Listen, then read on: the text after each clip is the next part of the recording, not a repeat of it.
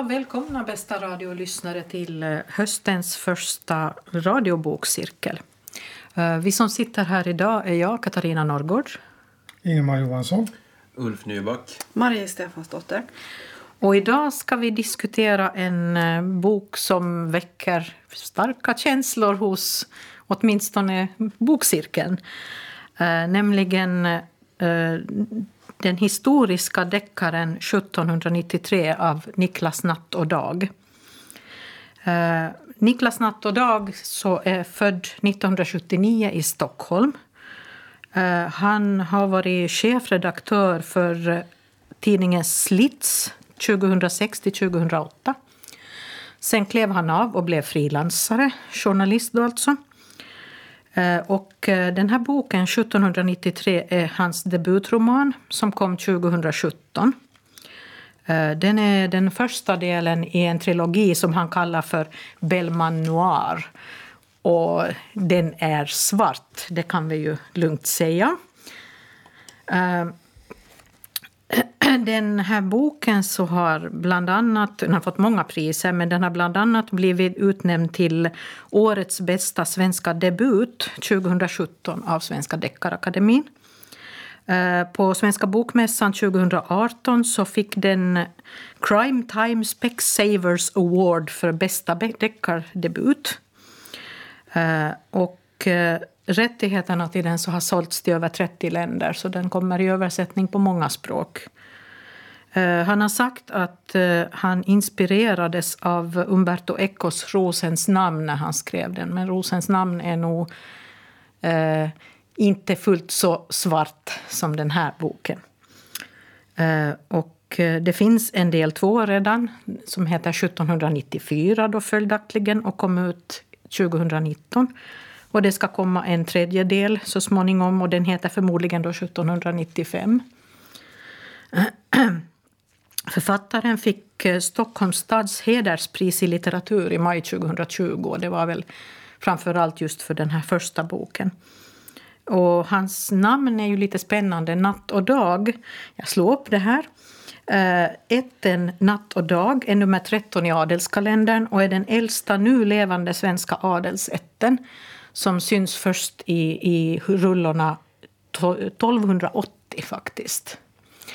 Övriga gamla adelsätter har dött ut, men den här har inte. Eh,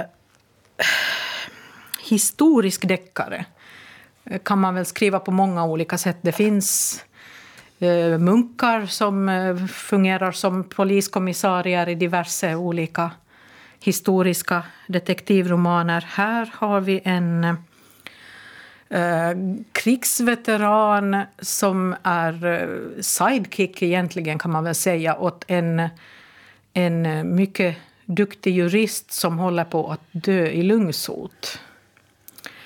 Och eh, Ska vi säga så här, den här boken ska du inte läsa när du äter frukost, inte heller när du äter lunch eller eftermiddags mellanmål eller kvällsmat.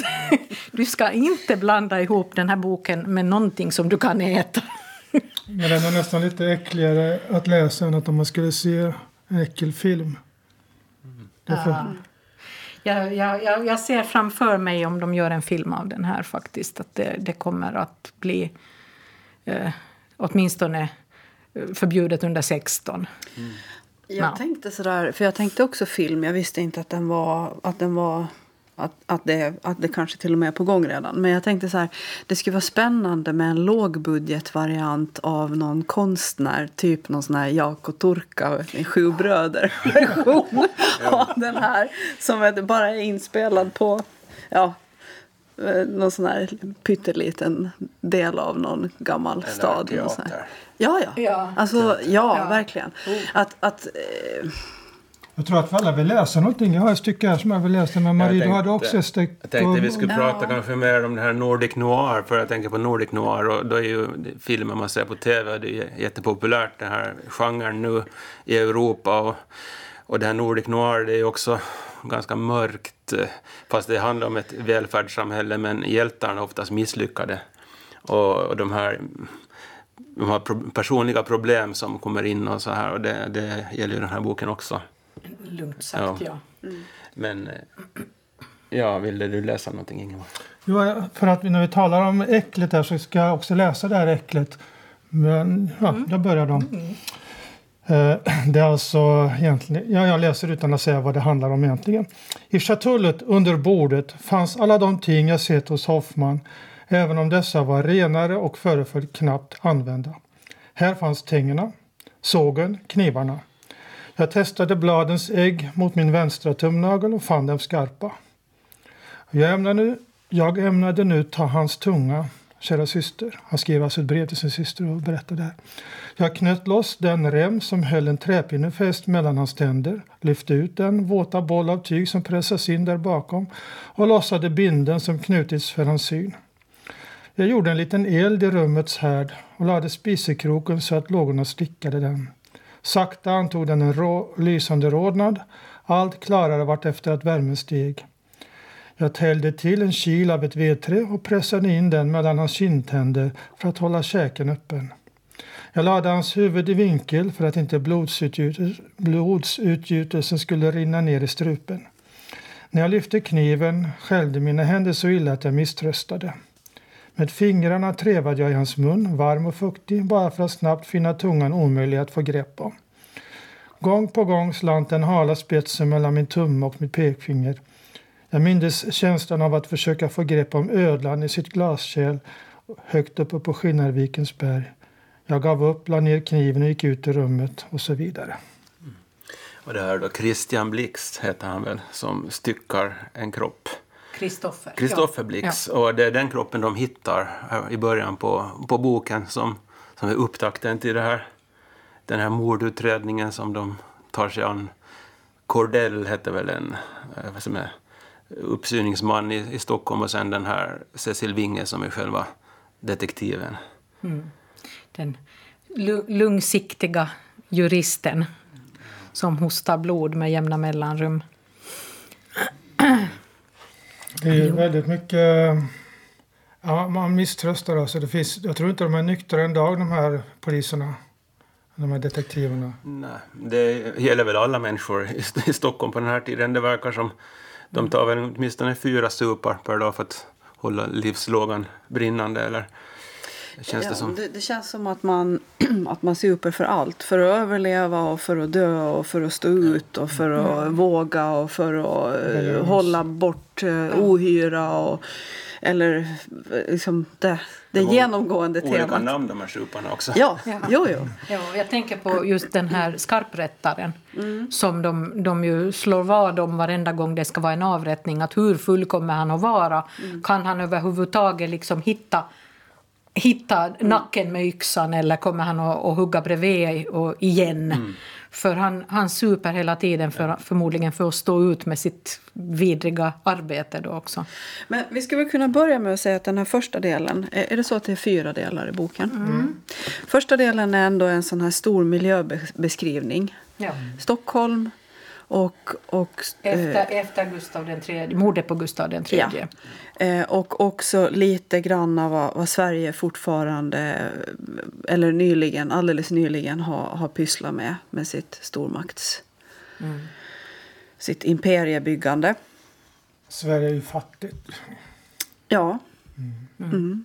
Och eh, jag tänker också, för jag, jag diskuterade det här med en, med en, eh, en person som som inte hade läst boken och, och, och varifrån allt det här armodet men framför allt den här vardagsonskan. Kan vi kalla det för det? Ja. Vardagsvåldet. Mm. Det är väldigt mycket våld. Det som slår en i den här beskrivningen är att det är ett, ett, ett utbrett eh, acceptera, en utbredd access, acceptans för våld. Och hat. Och hat. Och man, man trycker, man vill uppåt och man trycker mm. neråt. Precis varenda människa är liksom inställd på att komma lite, lite uppåt. Pengarna är viktiga.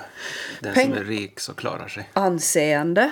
Mm. Eh, ja, och, och, just det här att, att, att lyckas lite bättre än vad du var du. Att komma lite längre uppåt, framåt än, än där du är någonstans. Alla kämpar ju med det. Och vet att kommer de tillräckligt långt ner, vilket kan gå väldigt snabbt, så är du förlorad i ett nafs. Som bland annat då Kristoffer Blix, fältkärrslärlingen som då hamnar på ett fruktansvärt uppdrag. Mm, man, men jag tänker också att båda de här, den här um, huvudpersonen, eller vad ska vi kalla dem för, de här detektiven, han, är ju inte, han vet ju knappt om det själv, men juristen Ja. och, och hans sidekick.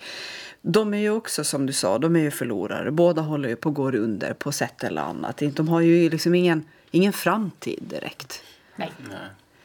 Eh, när de börjar brottas med det här problemet då, som de hittar, den här stympade kroppen, döda stympade kroppen. Eh, jag, jag tänker, jag tänkte, när första delen var slut, så tänkte jag, nu orkar jag inte läsa längre. För då hade, då hade det varit de här väldigt detaljerade historiska beskrivningarna, miljöerna, Och det luktar illa. Oh ja! Och det är sånt armod och elände och sån liksom smuts. Eh, men sen när det kommer till den här, när de, när de kommer till den här obehagliga eh, bordellen och får, får, får liksom känningar av att de har kommit lite längre i, i sökande efter den här, var den här stympade kroppen kan ha hållit hus. Där kändes det som en vändning, för det kändes som att det var ett väldigt modernt problem som ly- lyftes in i den här historiska kontexten. Jag tyckte att det blev som en spegel för, Ja. för vår egen tid. Ja, precis just det. Ja. Och, och då kände jag så här, nej, alltså ska den här, ska, ska resten, alltså ska tre fjärdedelar nu, resten av boken handla liksom om dagens våld. Ja, det var ju en länk i kedjan, alltså den här bordellen, eller om du menar det här huset där alla möjliga stympade kroppar och mö- missfoster och vidunderhöll hus för att eh, de som hade lust skulle få för dit och Förlusta sig. förlusta det var sig på dem. det. Det var, just Det var ju också var så- en del av själva utredningen, så att säga, eller deckarintrigen. Absolut, men Ja. det, det kom liksom en fläkt av riktigt sunkig samtid. Jo. Liksom med det blev här... lite CSI-känsla tycker Ja, jag. det blev så här att nej men det här är ju, det här håller vi ju på att brottas med nu. Menar du någon slags feministiskt Nej, perspektiv? nej, inte alls. Utan, utan rent liksom typ av brott. Att vi lemlästar kroppar och, och hela liksom pornografiindustrin. Och, Människohandel. trafficking, Ja, alltihopa. Att, vi, att, att, Vad är en människa? ja, Och vad är en människa värd? ja, Ja. att när, vi, när, när, vi, det- när människoliv reduceras till kroppar. Ja. Och, och det- är ju sen en annan grej som liksom sprider sig genom hela den här. Att det är väldigt mycket kropp och väldigt lite. Ett människoliv är ingenting värt och så här. Så att visst, det, det, den frågan kommer ju gång på gång på gång på gång. Men här, där och då, då var det så där. Nej, det här lägger jag undan. Det här, det här. Men blev det inte intressant då? Nej, Tyckte du? det För blev, att du det sa blev att den blev, vämjeligt. Jag du att bort den den. var den. jobbig i början, men sen så blev det lä- lättare när du kom dit, eller? Nej, det, jag tyckte den var bra i början. Jag tyckte att det var spännande med de här miljöbeskrivningarna, även om de var ganska mastiga. Jag tyckte Då- det var, efter två sidor så tänkte jag att man ska hålla på så här i 450 sidor. Och det orkar jag inte. Det räcker Du med tyckte två. det var för mycket miljö? Tänkte, nej men det här mustiga språk och liksom, det räcker om det är lite här och var så att jag får liksom lite variation. Men det här språket hela tiden verkar ju lite jobbigt. Men det var, Ja, det, de var, pratar- det drev ju vidare. De pratade lite 1700-talsspråk. Det var ju ganska in, det. Mm. invecklat, invecklat sätt Ja. att uttrycka sig Ja. som de hade. Jag Och det, jag, jag gillade också. För Ja, det jag tyckte det var jätteskönt så här, när man öppnar dörren att man bara säger Vad är ditt ärende? liksom inte hej eller åh, hur är det med dig och kul att ses och det där. Utan Men det ibland bara... blev det väldigt invecklat, det där språket också. Ja. Sådana här ord från Bellmans tid och yrken från Bellmans tid kom ju upp och Mm. ja, Bellman Noir, så det var ju nästan Bellman man hade som referenspunkt att hans sånger och hans epistlar, så det var ju många av de här ställena som kom tillbaks till exempel, Ja. som, som man kände igen från Bellman. Bellman. Mm. Så, Ja, men jag tog i alla fall en paus på två månader. För det, det, det, blev, det, det blev liksom för samtidsäckligt. Mm, första avrättningen tror jag att jag lite stoppar vid. Alltså det var ju mycket så här stympningar och avrättningar och, och lik och kroppsdelar. Och ibland tyckte jag nästan mot slutet så, så gick han nästan... Han kunde lämna bort lite där, men det var den kallaste vintern i Stockholm på länge som, som han skrev om på slutet. Och eh, då var det här så var det två killar som hittar någonting här som jag tyckte... Vänta nu, hittade ett lik, ja. Eh, Stockholm är fasansfullt litet. Alla trängs på samma gator i samma rum. När Anna-Stina lämnar markattan knyter hon en duk över sitt blonda hår och låter tyget hänga djupt ner i pannan. Hon håller sig norr om Slussen undan de marker där Tyst och Fischer jagar syndare, men paltarna finns också i staden mellan broarna och var gång hon ser skymten av deras jackor Nej, ursäkta. Det var två killar som... På dess krön har frosten skrapat loss ett blåsvart ansikte och i dess gap har skämtsamma rännstens ungar tvingat in en trasig kritpipa och undertecknat sitt konstverk med inpissade bomärken. Ja, där tyckte jag liksom att, att ligger det lik så där runt omkring på, på gatorna. Men det blev lite för mycket kanske.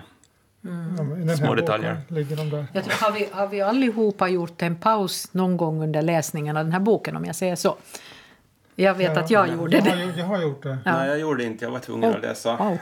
jag hade inte så mycket tid på mig. Så, så jag ska nog säga att den påverkar mig. Man, man börjar liksom nästan se såna här mystiska figurer omkring sig.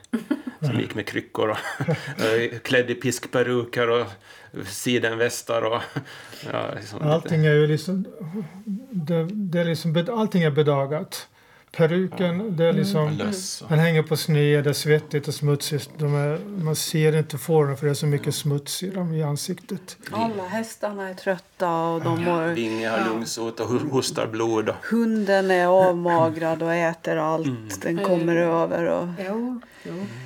Speciellt Har- den där hunden som hette Magnus. ja, Är åt definitivt flugorna allt. måste... Alltså, grodor och smådjur blir lemlästade. Det är ja, liksom... mycket Det, maskar. Det är förstås. det, det, Så. Jag, Ja. jag, var, jag var tvungen emellanåt och jag visste inte om jag skulle ta paus eller om jag liksom skulle pressläsa, pressa mig förbi det otäcka i texten. Men det var lite så det här tema människan är människans varg. Som de, det var någon som pratade med, med Vinge och sa att du också, du är också en varg, Vinge. Kom ihåg det. Att du är inte god. Fast alla tyckte ju att Vinge var den godaste. Han kämpade för rättvisa och sanning. Han var den enda personen som var positiv, som trodde på någonting. Men ändå så, Rättvisa trodde han ja, på. han trodde på det. Han, han lät sina offer alltid tala till punkt fast de var dömda skyldiga. Att, därför så trodde de många på honom. Fast han var inte heller en god människa, kom det fram till slut. Han var också en, en människans varg. Eller, han, han måste också göra fel mot andra. Så, så alla var liksom drabbade av det här. Ja, göra fel för att det kanske skulle bli någon sorts övergripande rätt. Jo, precis. Ja. Att det är knepig omväg. Det- Den här boken, som, som sades inledningsvis, har ju fyra delar. Fyra, inte kapitel, men fyra delar. Och vi nämnde namn här då. Det ges ett uppdrag, det är ett lik hittas och så får då Vinge med sin goda vän då, Kardell uppdrag att lösa det här mordet. För det var inte vilket mord som helst då. Och sen har vi ett, en avdelning som handlar väl i stort sett om mördarens eh, brev till sin syster där mordet, eller inte ett mord, det är ju liksom tortyr, det är en äckeltortyr alltså. Men också Han är ett ju inte uppdrag. mördare egentligen för han lämnar ju sitt offer vid liv. Så att, Ja, okej, men ja. liksom, det är han som utför den här bestialiska handlingen. Han beskriver Ja, det ja, i ja. brevet. Men han är ju också tvungen. Han är ett offer. Han, Ja, men alltså för att få lite struktur Ja. på det. Vi kallar det mördaren. Eller, han, han, eh, det finns en stämplare också som har gett honom det här uppdraget. Eh, och så Anna-Stina som i den tredje avdelningen som blir någon slags budbärare av olika... eh, för hon, jag förstår inte riktigt vad... Hon har fått väldigt mycket utrymme i boken fast hon inte riktigt har med, med, med boken att göra. på det sättet det blir ju ännu mer våld Ja, han- och ondska och Men alltså hon, hon elände. har ingen relation till Jo, hon måste gifta mordet. sig med den som styckar kro- kroppen. hon är tvungen alltså, att gifta sig med min, den min som... poäng är alltså att hon får onödigt mycket utrymme. Annat, om det nu är så att det ska komma uppföljare så kan man tänka sig att det här är det tror jag också. För, mm. för, um, förskriften till, till nästa bok. Ja. Mm. Sen ville ju Niklas eh, natt och dag beskriva Långholmen som, som plats. Ja. Och hon sätter sig på Långholmen spinn, spinneri, spinnhuset, ja. där hon spärras in uh, för att de säger att hon, hon har varit en hora mm. och fått uh, liksom en horunge och sådär. Och då så hittar de en orsak till att sätta in henne där och, och sen så lyckas hon fly därifrån. Men är, det är ett fruktansvärt ställe det också. Det, det var bland de värsta ställena också tyckte jag i boken, den, mm. den platsen. Fruktansvärt. Ja. Ja. Där man fick sitta och spinna nu, en tråd. Nu ska jag, jag ska jag läsa en liten, ja. när de anländer mm. eh, dit.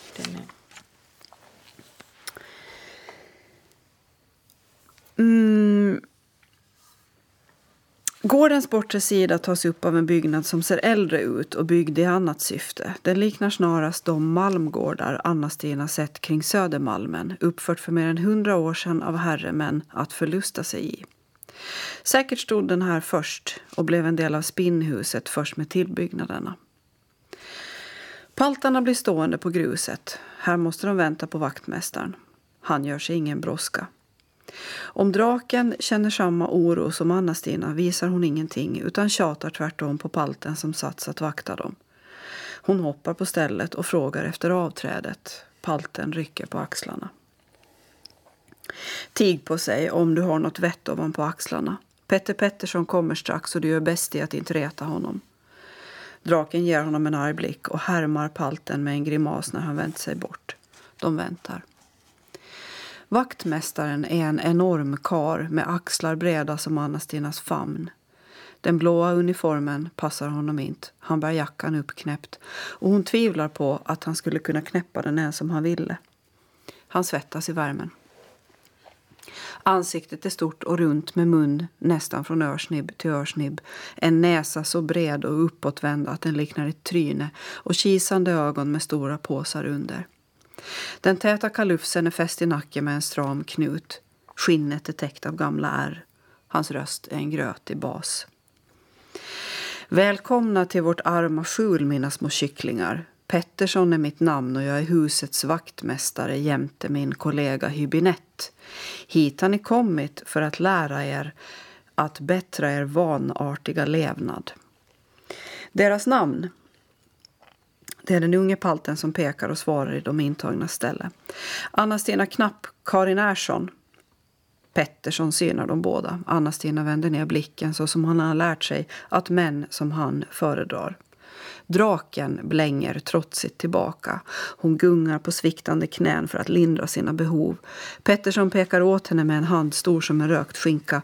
Vad är det som fattas, fröken Ersson? Flickan säger att hon behöver pissa. Är det så, fröken Ersson? Du är ju förstås van att kunna springa omkring och skvätta hur du vill, du. Fri som djuren i naturen. Draken tvekar innan hon svarar.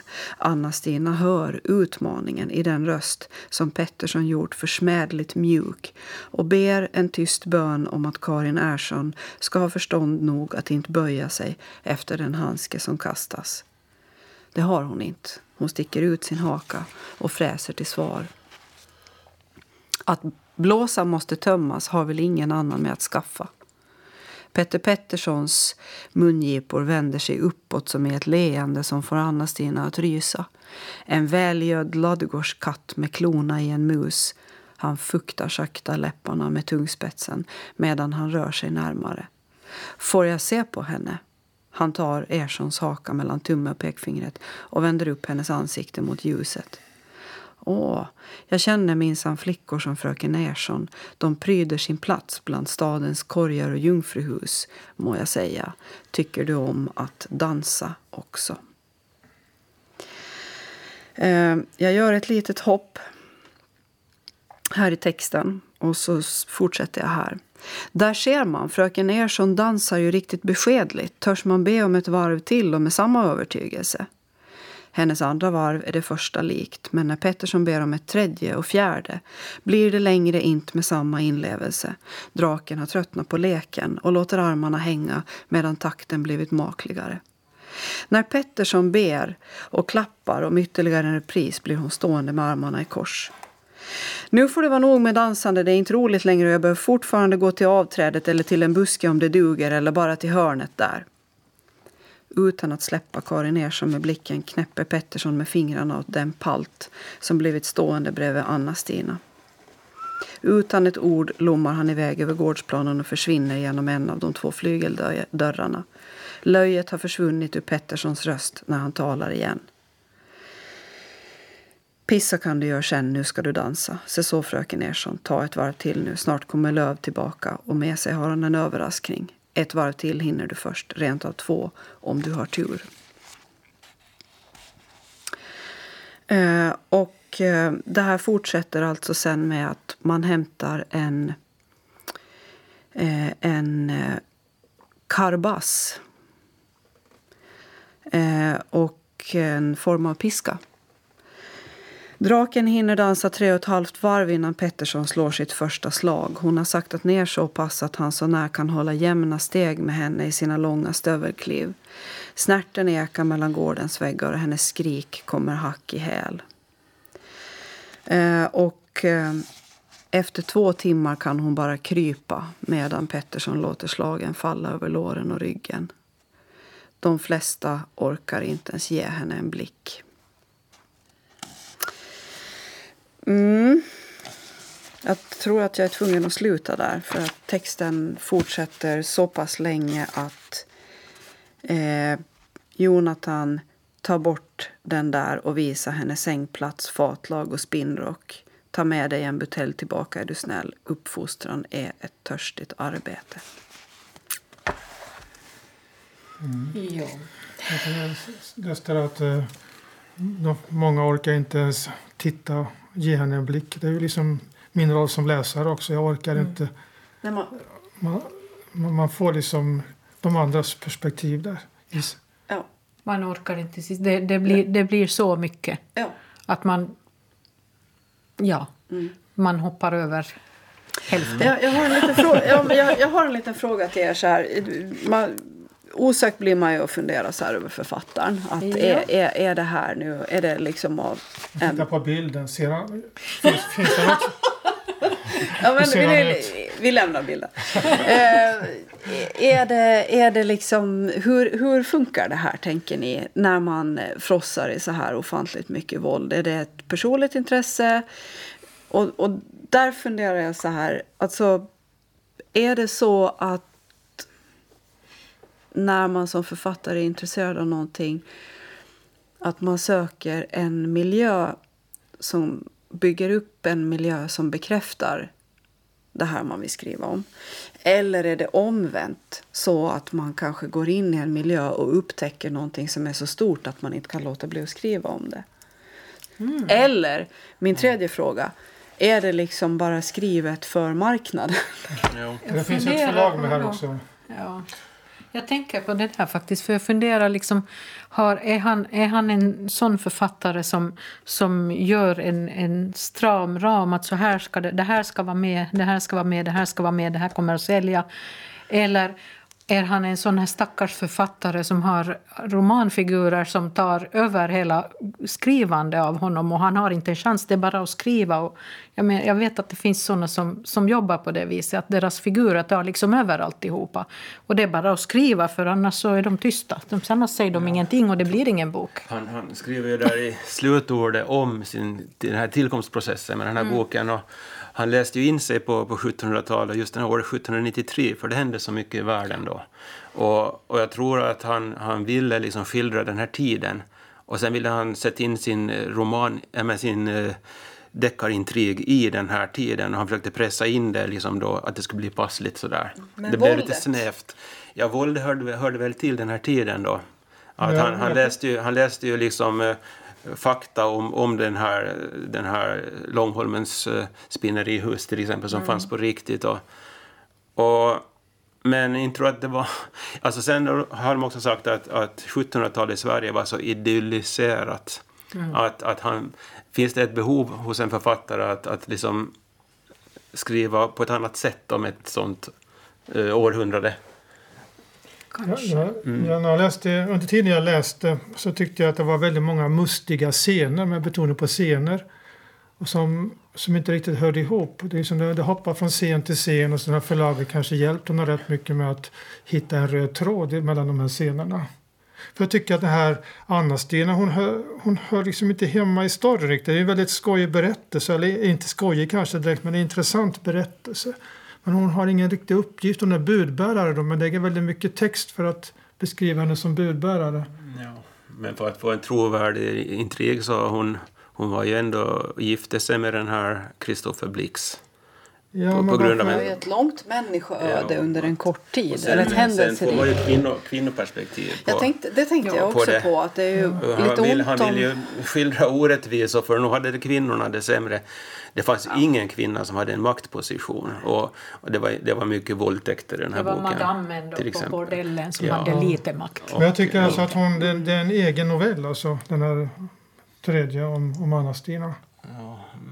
Ja, mm, jag tyckte nog att det passade in liksom nog till slut. Det när det flätades ju knyts ihop. ihop. Jo, det är det jag säger att det, det gör det, men liksom, det man, jag ser det som, när jag läste den åtminstone, då var det en massa mustiga scener som någon har hjälpt honom med att få ihop till en, hitta en röd tråd i.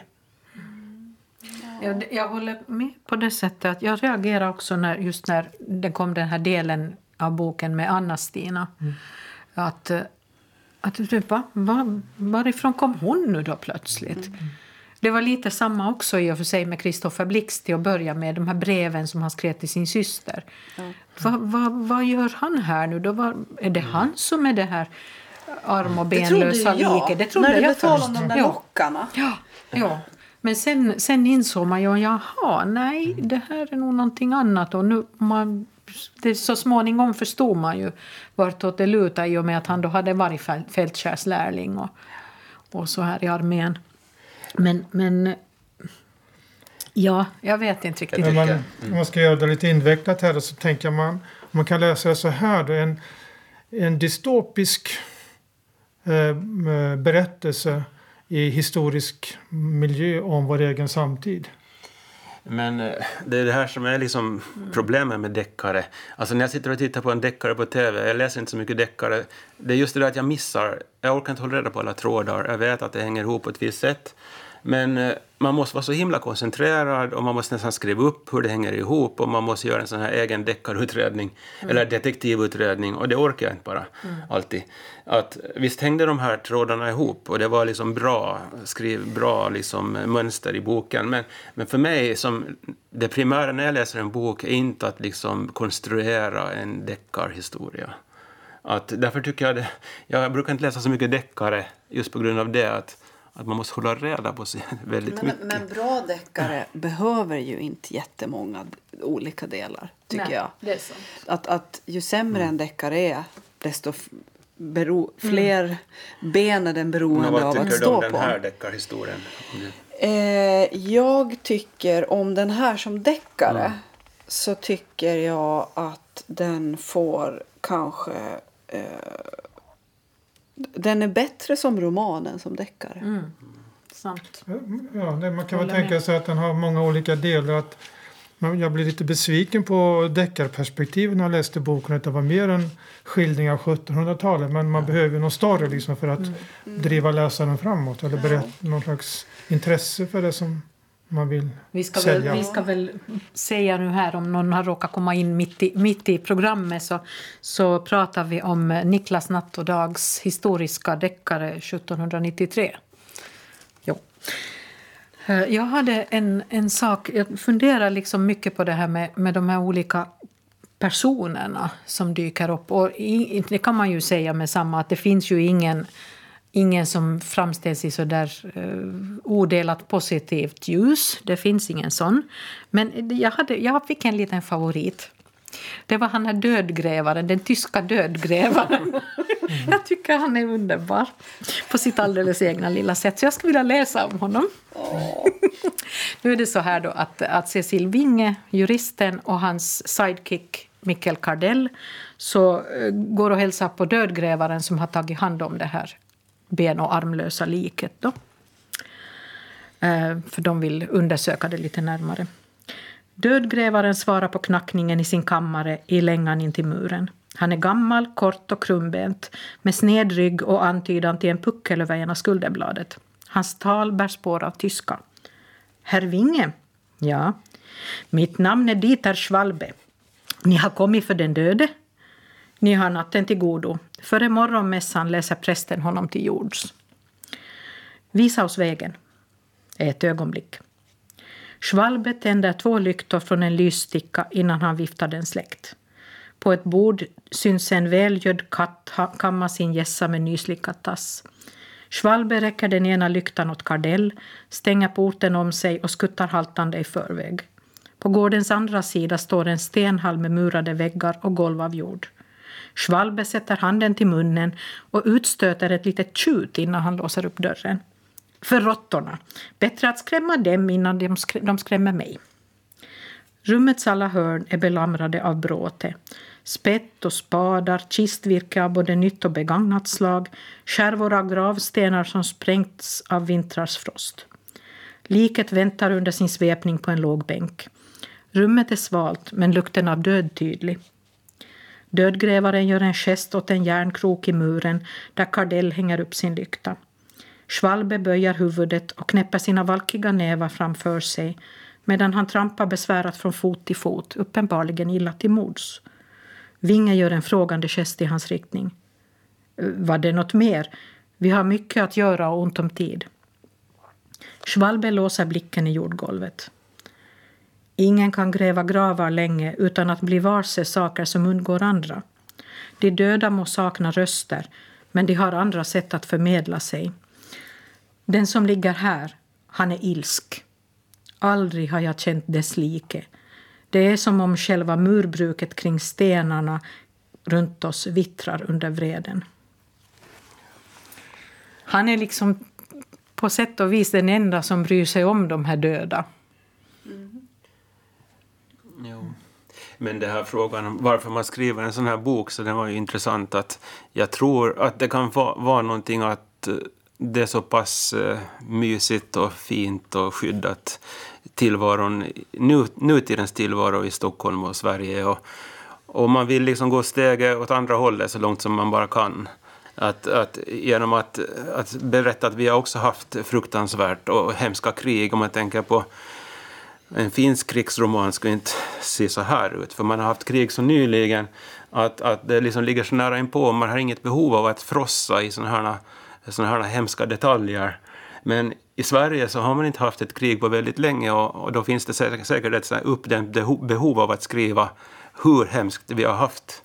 Och jag tänkte lite på, på Jan Guillous, de här historiska romanerna också, som, som berättar om sådana här slag när eh, arméer drabbar samman. Så det går ju väldigt långsamt och det är väldigt grymt och han säger själv att, att det var grymt. Att, att, att det är som med yxa mot yxa och sånt här att det går så hemskt långsamt också, det här, det här onda och det här hemska den här boken, när man sågar bort ett ben från, från ett lik och, mm. och så tar man nästa dag tar man ett, ett, ett, en, ett, annat, ett annat ben eller en arm och, och så här håller man på. Och, och när man avrättar ett lik så börjar man med att stympa handen för att liket ska känna, det här, eh, den som offret ska känna att, att det verkligen inte något roligt att bli död avrättad.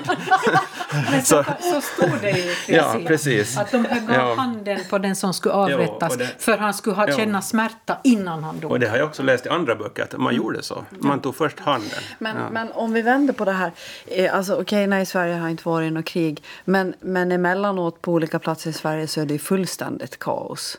Alltså, där har man ju tappat, där har ju ordningsmakten tappat kontrollen för länge, länge sedan över. Alltså beskriva inte en värld som vi inte, om vi nu lever i ett eh, medelklassamhälle som jag gör åtminstone. Då, då har man ingen direkt kontakt med den värld som man nog anar finns och beskrivs ibland mm. som är hemsk för de individerna som drabbas av det. Men samtidigt om man skrapar lite på ytan, mm. även om det inte i, även om inte Sverige har varit i krig mm. liksom, utåt sett så finns det ju platser i Sverige som nästintill uppnår sån. Jo, men det är på något sätt Jo, det... det... är ju interna problem. Men jag menar, det här kan ju lika gärna fungera som en, en, eh, en, en framtidsskildring. Ja, alltså, namn, det finns väl i massmedia idag som motsvarar eh, det där horhuset och eh, det, människorna runt omkring. Jag menar det. Att vad är det som säger att inte det här kan vara aktuellt om... Men jag tänker på sådana här gamla krig, Sveriges historia. Det här jag slaget vid. Svensk Sund Ja, ja, ja. till exempel. Ja. Så, så, så beskrivs det hur, vi, hur den här uh, Cordell miste sin arm. Mm, Och det går väldigt långsamt till. Och, och jag har själv jag har bott i Kotka, och där slaget vid Svensk Sund ägde rum. Mm. Och de gör ganska stor turistbusiness på det där slaget vid Svensk Sund nu. Men det, kommer inte fram hur, hur hemskt det var. Alltså, det var ske- skepp mot skepp. Ja, skepp mot skepp som sköt varann, på varann. Och jag skulle inte vilja vara på ett av de där skeppen. Nej. För de seglar jättelångsamt upp mot varann och så riktade de kanonerna och så såg man kanonkulan komma flygande. Och så, och så flög det en gubbe ut i havet och sen så var armen borta och så här.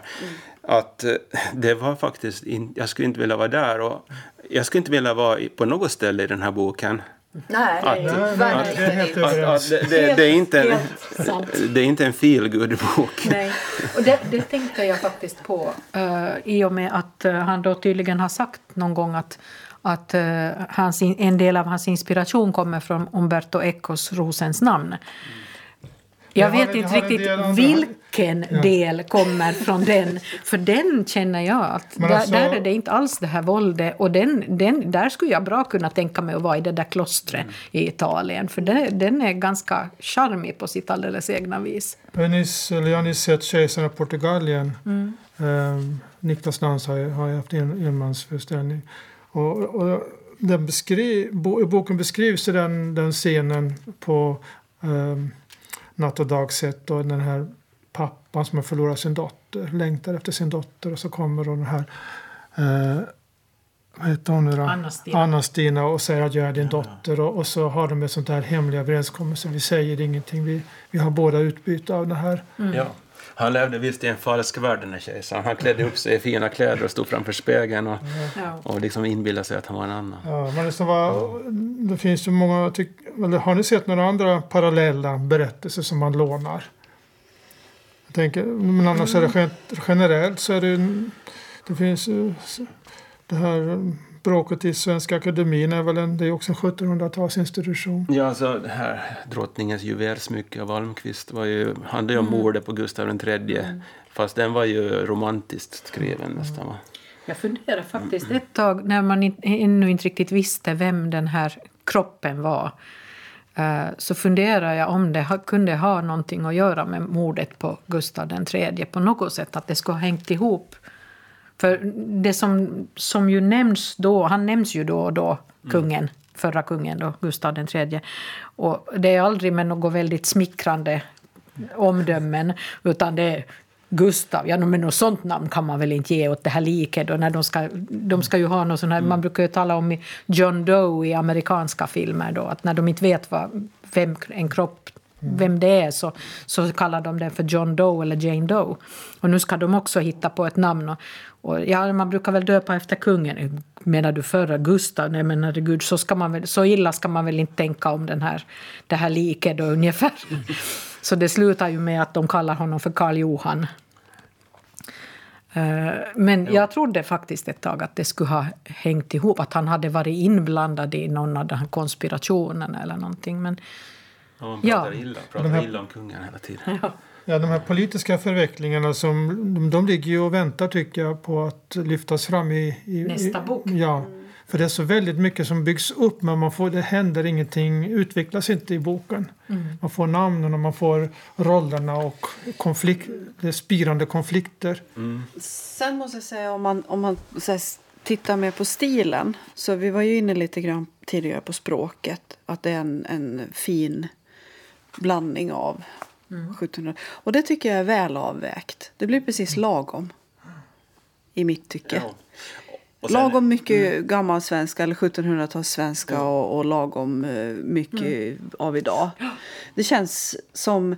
Eh, jag vet inte, det är svårt att säga vad som är trovärdigt för att det är ju inte en aspekt som man har möjlighet att avgöra. Men det, det, jag, jag orkar läsa det. Det blir inte för tungt språk. Men eh, i början eh, så jag tycker jag att de här eh, miljöskildringarna är lite väl mastiga.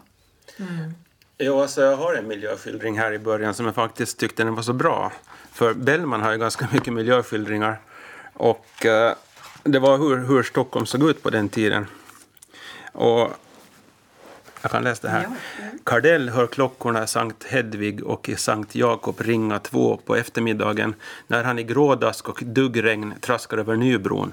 Skärkararnas master tonar bort i dimman bakom galar, galarvarvens längor och Kastellholmen med sin åttkantiga befästning där svenska flaggans trätungor dryper våta på sin stång.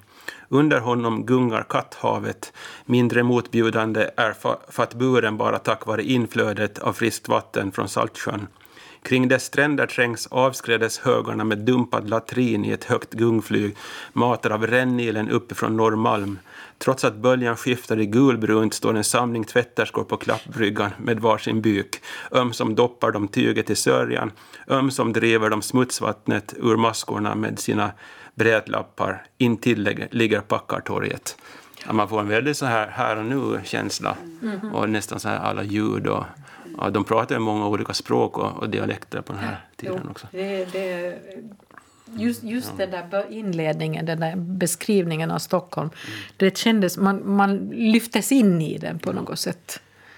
Och det var ju delvis också, det är ju kända delar av, av stan som, man har ju rört sig i Stockholm. Så man, Även om ja. kanske inte alla husen finns kvar, men såna delarna av stan finns ju. Krogar. Det var ju Gamla stan då, ja. staden mellan broarna som var väl Stockholm. Och där fanns ju, vad fanns det? Fre, Gyllenfreden fanns ju förstås på den tiden och många andra också. En, en krog hette Hamburg och en krog hette... No, Hur var det med Markattan? Markattan. den var väl utanför stan? Det, det var utanför ja. tullarna. Ja. Det var väl så. Och slussarna finns, blåslussen och röda slussen. Och, och blåslussen hade byggts senare. Och, så det var ju... Till slut återstod bara sargat tandkött och flisfyllda hål där tandraderna nyss suttit. Nu hade saxen plats att nå. Jag klippte av hans tunga så nära dess rot jag kunde komma. Mm. Ja. Jo. Eh, som sagt, återigen en varning till alla lyssnare. Eh, läs inte den här boken i samband med måltid. Jag tänkte på det här med samtiden. Det finns ju det finns en benägenhet att romantisera våldtäkten. Och det här är åt andra, alltså inte andra hållet, men det är, det är en, kan man säga, en, en kommentar till, till, till, till det sättet att se på våldtäkten. Du menar att han tar ställning eh, mot... Ställningen, det är en roman, en beskriven berättelse. Mm. Så att man kan väl se det, jag tycker man kan se det som en kommentar. Att, att man romantiserar horhuset, liksom, allt trevligt som är där. Och det finns filmer som också är, antyder hur trevligt det är på horhuset. Men här, i den här boken så får man ju då se eh, in, in, in horhuset från ett an, ja, man får se det från författarens synvinkel så att säga. Ja, alltså, jag reagerar alltid på såna här våldtäktsscener. Uh, till exempel att man kunde inte lita på någon som skulle hjälpa eller ens kunna tro att den var en god människa. Till exempel Anna-Stina fick ju hjälp att komma ut ur det här spinnhuset mm. för hon fick reda på att det fanns en lönngång som gick ut från någon källare och hon tog reda på hur hon skulle komma ut och det var väldigt bråttom för annars skulle den här Pettersson komma med sin piska nästa dag. Och, och så var det en av de här vakterna som var den här goda vakten som skulle komma med och visa för att det var en präst som hade prästen på spinnhuset hade hjälpt henne att, att hon skulle få gå till den här lönngången. Men det som hände var att han hade lov, den här prästen hade lovat den här vakten att han skulle få våldta Anna Karin innan, i Anna-Stina innan hon, hon skulle få fly därifrån. Så det var liksom deras deal. Så det fanns liksom, de här, de här våldtäkterna så skedde liksom i jämna mellanrum som en slags betalningsmedel. Hade man inte pengar liksom tillräckligt som kvinna så måste man betala med sin kropp. Och, och, och det, det var det, det heligaste allt som, som kvinnan hade. Liksom att då, då gjorde man vad som helst för att slippa vara med om den här våldtäkten. Till exempel om man hällde syra, syra i ansiktet på den som, som Det var skulle väl nog väldigt få som hade tillgång till Jo. att, att opponera, eller möjlighet Men, att opponera sig. ens. Det var ju ett väldigt så här patriar, patriarkaliskt samhälle. Ja, hörni. Eh, vi kanske ska börja knyta ihop den här diskussionen om eh, Niklas Natterdags roman 1793. Eh, rekommendationer, funderingar? En stark roman, mycket mustigt bildspråk. En kommentar om mm, vår egen tid. Jo, absolut läsvärd, speciellt om man gillar historiska romaner. Om man gillar våld. Och Kan man om också inte är läsa det. alltför kräsmagad. Den... eh, Men jag vill nog inte ha de där bilderna i mitt huvud. Jag försöker nog få bort dem. Ja, Ja. jag Det tror här- man, man ska skölja med en annan bok Med en sup kanske? Men hur ofta? Jag Man vet blir, inte. man blir likadan. Alltså, det, är så, man, det nästan Ja. krävs några supar för att, för att ta sig igenom den här. Om man, om man ska läsa den liksom Men en nykterist kan väl också läsa den kanske? för all del. Ja. risken Man kan finns ju att... man kan ju liksom, s- vad heter det, slöläsa vissa partier. Mycket få. Kan, kan, kan, ja, man, ja, det var väl det jag gjorde men jag kallade för att jag pressade mig igenom texten. Med, I hopp om att missa några ord av de mest fasansfulla partierna. Men då får vi tacka för oss för den här gången. Eh, Det var jag, Katarina Norrgård. Ingemar Johansson. Ulf Nyback. Marie Stefansdotter. Eh, Och eh, nästa gång kommer det en radiobokcirkel i september. Och då kommer vi att prata om eh, en bok som har varit mycket på tapeten senaste tiden. Eh, Delia Owens, Där kräftorna sjunger. Tack och hej då.